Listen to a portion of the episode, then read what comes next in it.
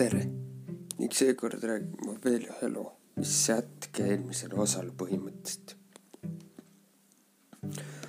mäletavasti oli eelmine kord lugu. kuuleb pidevat samme kedagi, kui kedagi ei ole kodus ja telekas kipub trikitama. ma võib-olla eelmine kord juba lugesin seda, aga räägin nüüd uuesti üle.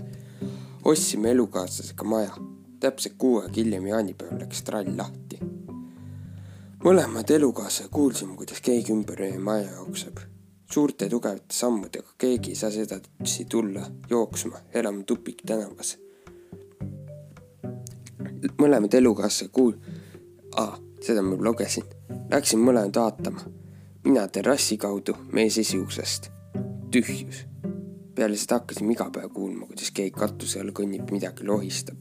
ignoreerisime üks päev mees läks välismaale ning jäin koera ja kassiga koju. tavaliselt magan meie toas, kuid siis panin kabuhirmust toast minekut ja tagasi oleme tulnud. kutsumise peale ka mitte.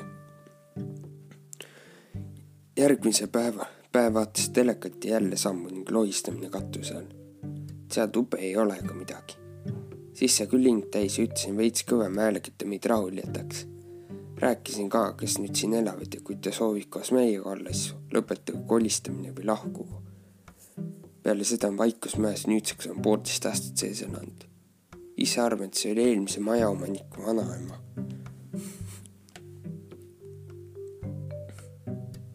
vot nii.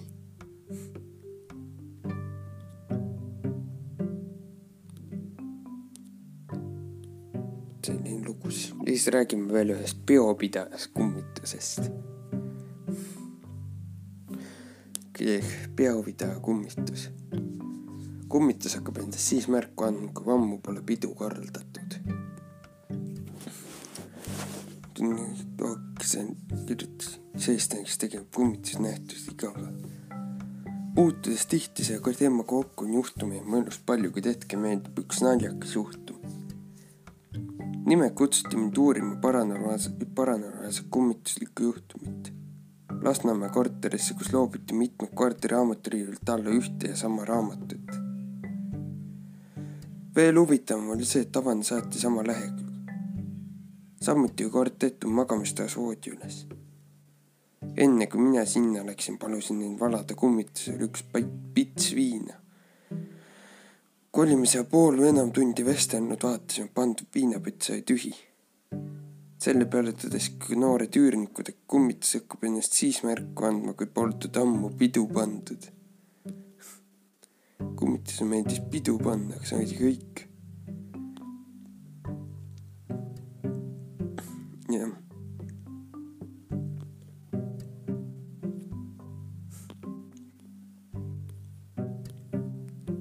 nii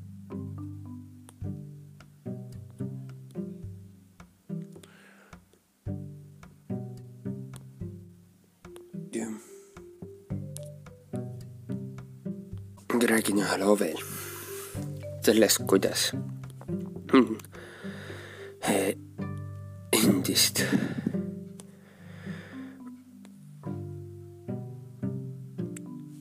Jah, kuidas kummitus rahvastikku, ministrit,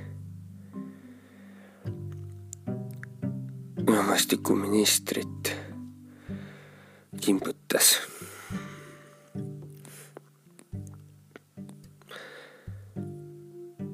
jah, see oli raske periood tema, tema esimese abikaasa surmaaeg, ajal.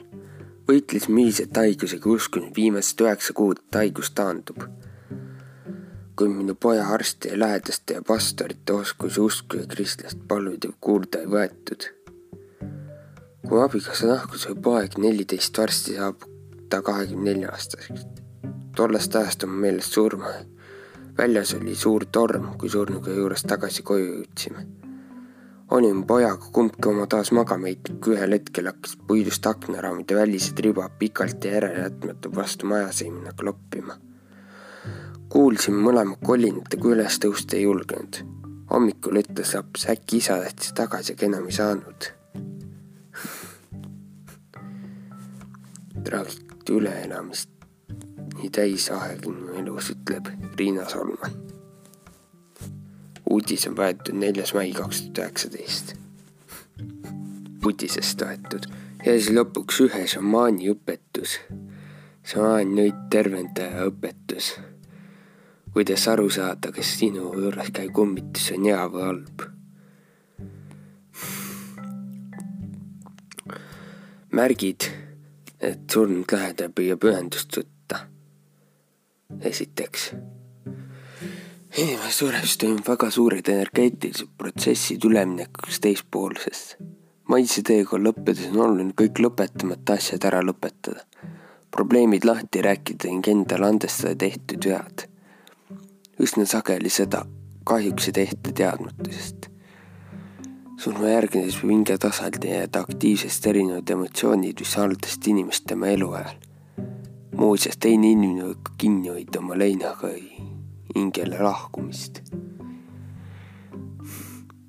seetõttu ei tohi siin liiga kaua teha. et nendest vabandada soovib sageli lahkunud ning hing endast märku anda, et lõpetada pooleli jäänut. sageli tajutakse, et ruumis viibib veel keegi, tuntakse kellegi silmi endal või istudes tajutakse justkui külma hingust või tuult. Need on esmased märgid, et keegi soovib teist põhjust endast märke anda tugevamad märgid on kodus kellegi hinge olemusest, olla uste liikumine, linki, logistama asjade iseenesest liikumine, sammud, ohked, sikutamist ja nii edasi. selliste juhtudes on kedagi spetsialistiga kutsuda. kui tunnen, et kodus kummitab, siis kuidas saada aru, kas tegemist hea või halva vaimuga? kui saad aru, et kodus kummitab, siis esimese tegevusena ära satu paanikasse. muidugi, see on kõige olulisem asi loodus eksisteerib heade kalbusi inimese mõtteval mõtle, et see on üks õnnetu hing, kes otsib väljapääsu edasiliikumiseks. nõiadega tõepoolest vaimanud ka mitmesse gruppi. on need, kes vajavad nii-öelda lahtipäästmist, andes kinnituse, et võivad edasi liikuda. sellised hinged on ohutud ja võivad olla vähe kehastunud. teised hinged annavad teispoolest jõulisem märk, kui soovid siis midagi lõpetada, andestada, teinekord ka elavate maailma sekkuda, kui need elavat on aktsepteeritud teispoolsest üle kantud vihaenergia. heites enesetappida ja anda tugevat märkust mingid maised sündmused, millega isik ei tulnud toime või ei aktsepteerinud neid, panid ta otsustama vabatahtliku lahkumise. see omakorda näitab hingenõrkust oma probleeme mitte lahendada ning saab korda selle samade õppetundidega natuke hullema. kolmas grupp vaimujaid on orbid kes ei võta enda füüsilist keha, vaid elavad läbi inimese oma lühiajalisi seiku aga kineetiline energia Nad on justkui rändurid, kes ekslevad ja elamata kahjusid. neljas grupp võimud, demonistlikud vormid, kes toituvad elavatest inimestest. kindlasti kuulnud ütlusi, tema selline usku teemon, kui isiku olemus muutub teinekord üleöö. teemon vajab füüsilist keha, mille, läbi mille toitub inimese elu energiast. kui teemon välja jääda, siis võib isikul hetkeks tekkida kollaps enamus eluenergiast liigub välja, et teemani kaasa ning inimene ei suuda isegi istuda. inimesest välja aetud teeman otsib peagi järgmise ohvrit, ent edasi eksisteerida. demonistlikud vormid liiguvad portaalide vahel, lootes leida sealt uut füüsilist keha. portaalist nimetatakse üleminekuväravaid ühest dimensioonist teise. portaal on kõikjal loodus, kodudes, pühades, paikades, surnuaiades ja nii edasi. päris kõikjal ikka ei ole, aga jah, päris neid võib olla igasuguses vormis peaaegu igal pool. kui inimene elab oma südame järgi terve armastusväärne enda ümbritseva suhtes, siis ta auraväli on terve ja tugev ning teda portaalid ei mõjuta. auraväli, energiaväli pigem. üheks eraldiseisvaks demonistlikeks vormideks on alko- ja narkosõltlased. kui näiteks majas elab alkohoolik, kes teeb enesetapu või joob end surnuks, siis suremise hetkel vabaneb kehast demonistlik vorm, kes jääb sinna hoonesse pesitsema, oodates järgmist ohvrit. kolib sinna majja uus pere ja aasta või pooleteise pärast hakata keegi pereline, ke-, kes on olnud kogu elu, eelnev elu karskune liigset alkoholi tarbima. siit seletus, et majas elav demonistlik vorm leidis endale uue füüsilise keha. see on näide elust endast. ja lõpuks oli soovitus kui soetad enda maja, mis aja, mille ajalugu uutel omanikel puudub, on mõistlik see lasta kellegi energeetist ära puhastada, vältimaks tulevikus ebameeldivusi.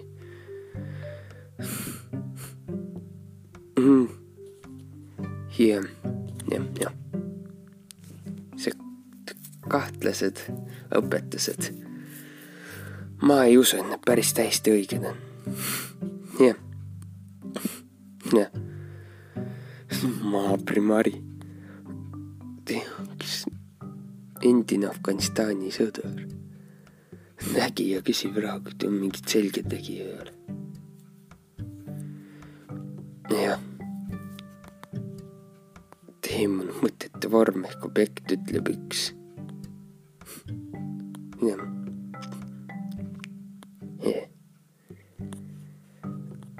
kui need on halvad, siis need on halvad.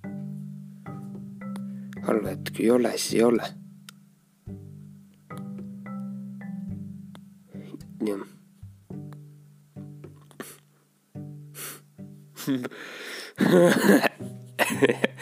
üks ütleb, et see viitab gaasimürgitus. jah, vingugaas.